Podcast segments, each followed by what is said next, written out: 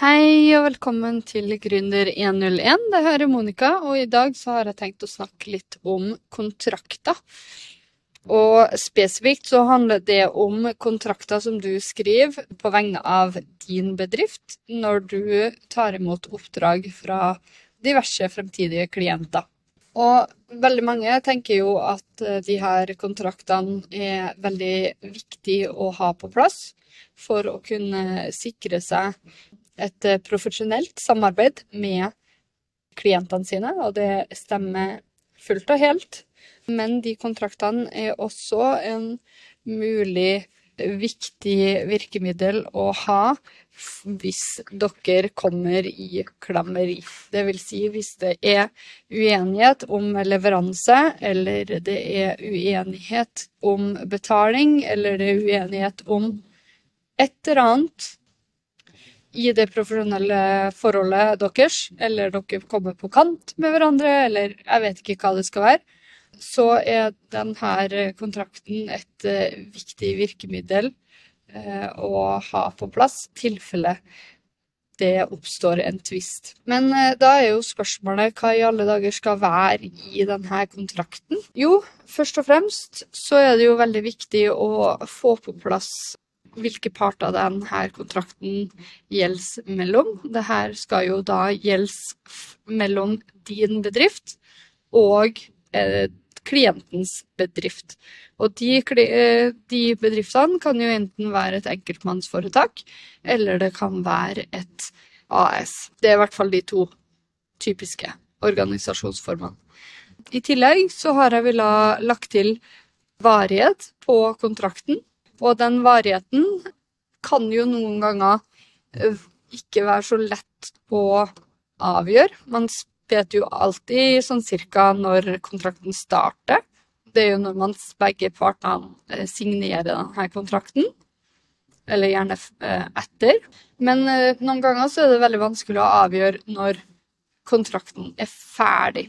Og Ofte så kan man si at denne kontrakten varer i ca. en måned, eller seks uker, eller fra 10. i 8. til 17. i 9. f.eks. Men du kan også si at uh, varigheten er så lenge vilkårene i denne kontrakten er fylt. Men eh, hvis man kjører på med den type varighet, så er det veldig viktig å påpeke hva, spesifikt hva de vilkårene er, og gjerne ofte også hva de ikke er. Sånn at uh, klienten ikke kan komme i etterkant og eh, legge til flere ting i, i, leveransen som ikke var ment i den kontrakten. Og Noen ganger kan det være van veldig vanskelig å avgjøre hva er det klienten ser for seg i Eh, kontrakten, i hvert fall hvis det er et sånn svært prosjekt, f.eks. nettside og sånn. Eh, og da er det veldig viktig å spesifisere detaljmessig hva er det som leveres inn i det her. Og så er det veldig viktig å tenke at hvis det er noe du faktisk ikke inkluderer her, men som du tenker kanskje at klient gjerne kunne ha tenkt seg i etterkant, så burde det legges til som egne priser ved siden av, eller denne kontrakt tar ikke for seg å så eh, ramse opp en, en hel haug eh, med ting som den eventuelt ikke dekker. Eh, og da er det jo også veldig viktig å si at det gjelder ikke kun det her omfanget, men at det her er bare en del av de tingene du kan tenke deg at det gjelder. At det er ikke en utfyllende liste, på en måte. Og så er det jo eh, selvfølgelig viktig å nevne noe om kons konsekvensene eh, på eh, mangel på leveranse. Og så burde det være en eller annen informasjon om forpliktelsene klienten har til deg for at du kan kunne levere leveransen. F.eks. med en nettside da, kan det være at du har gjort alt det du kan for nettsida sin del, men du er på en måte avhengig av at nettsida blir 100% perfekt eh, ved at klienten gir tekst, f.eks. For eksempel. Fordi klienten vil ikke at du skal skrive teksten for dem, vil ordne det sjøl, men hvis klienten er treg på tekstskriving og sånn, og du står og venter og venter og venter, så skal, eh, skal ikke det gå utover leveransen av din nettside, og eh, at den er 100 ikke er 100 fullført fordi du går og venter på teksten. Så da må det jo stå et eller annet om hva er det som skjer hvis eh, klienten ikke på en måte bidrar med sin del av kontrakten. Da burde man jo 100% ta og avslutte den kontrakten når du har gjort din del, og så får de eventuelt eh, etterfaktureres for sin del når de er klar for å levere fra seg, f.eks. teksten. da. Så det må jo stå noe om det, og så må det gjerne stå noe om eh, eh mangel på betaling, f.eks. Hva skjer hvis du ikke får betalt? Gjerne også stå noe om om du krever noe forskuddsbetalt eller etter, etterskuddsbetalt, hvor lang tid de har på å betale denne fakturaen, eh, om du gjennomfører fakturasalg, og at du legger på en administrasjonsgebyr. Sånne ting burde også stå. Eh, og så er det jo noe om eierrettigheter. Er veldig viktig i noen industrier. Hvem er det som faktisk eier det her i etterkant? For f.eks. med kode og sånn, så skal man helst ikke gi fra seg all koderettighetene, for det er jo tross alt din kunnskap og din erfaring eh, som gjør til at denne koden skrives, så det betyr ikke det nødvendigvis at det er klient som eier denne koden, men de kan eh, eie på en måte ideen, eller at ja, at uh, du de eier alle logoene og bildene som blir brukt, eller et eller annet i den duren der, da. I hvert fall med tanke på kode, så må man være veldig eh, påpasselig med å ikke si fra seg alle rettigheter til kode, fordi det kan ende opp med at du bruker Si at jeg lager en nettside eh, som kobler til eh, betalingsløsning med enten VIPS eller Stripe, og bruke ja, split payment eller engangsbetaling eller en fast månedssum, da, eh, og kode det her inn i nettsida til en klient. Eh, da vil ikke jeg si fra meg rettighetene til den koden, fordi den koden kommer jo mest sannsynlig til å bli brukt i andre prosjekter også.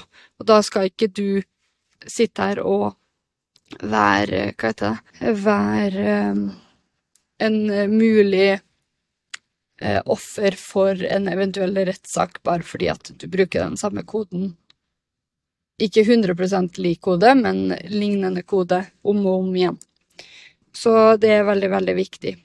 Klienten kan ikke eie kode, men kan eventuelt eie konsept. Eh, men sånne konsepter blir jo i så fall på en måte eid når man søker om patent, eller ja, søker om eh, patent, rett og slett. I tillegg eh, så er det veldig lurt i denne kontrakten å fraskrive seg alt ansvar for det klienten forventer skal komme ut av denne tjenesten eller produktet.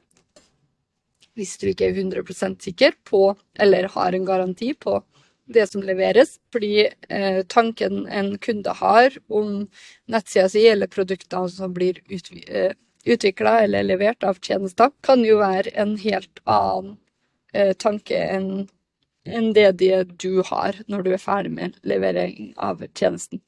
Eksempel med gitartimer. Så hvis du har en elev som aldri har spilt uh, gitar før, og så skal du gjennom en seksmånedersperiode lærer den personen å spille flytende på gitar, så kan jo det i ditt hode være at du lærer en uh, flytende en av Vance Joy sine sanger, liksom, mens eh, han forventer å spille som Bon Jovi, for eksempel.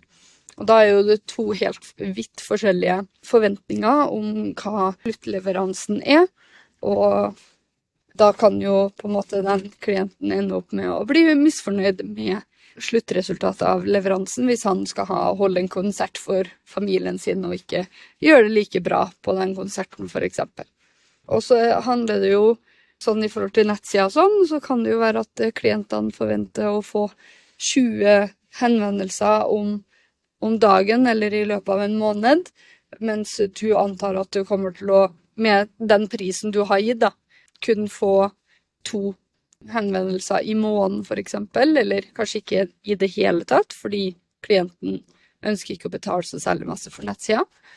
Og da kan det jo være at eh, klienten da blir misfornøyd med resultatet, fordi de har ikke helt innsikt i på en måte hva, hva den prisen vil gi dem i forhold til levering av nettside. Så fraskrivelse av eh, en eventuell hva vet jeg, resultat av eh, leveringa er kanskje også veldig lurt.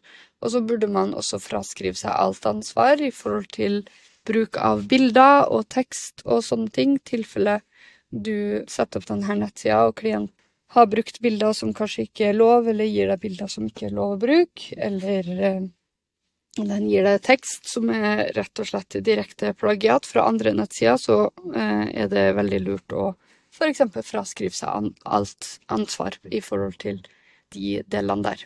Det høres jo veldig sånn her amerikansk ut å fraskrive seg all ansvar og sånn på sånne ting, eh, men det kan også være veldig viktig i forhold til en eventuell rettstvist, rett og slett, eller at eh, klienten nekter å betale for nettsida fordi at eh, leveransen var ikke sånn som de hadde antatt, eller at de ikke fikk, fikk det resultatet de ønska med selve nettsida.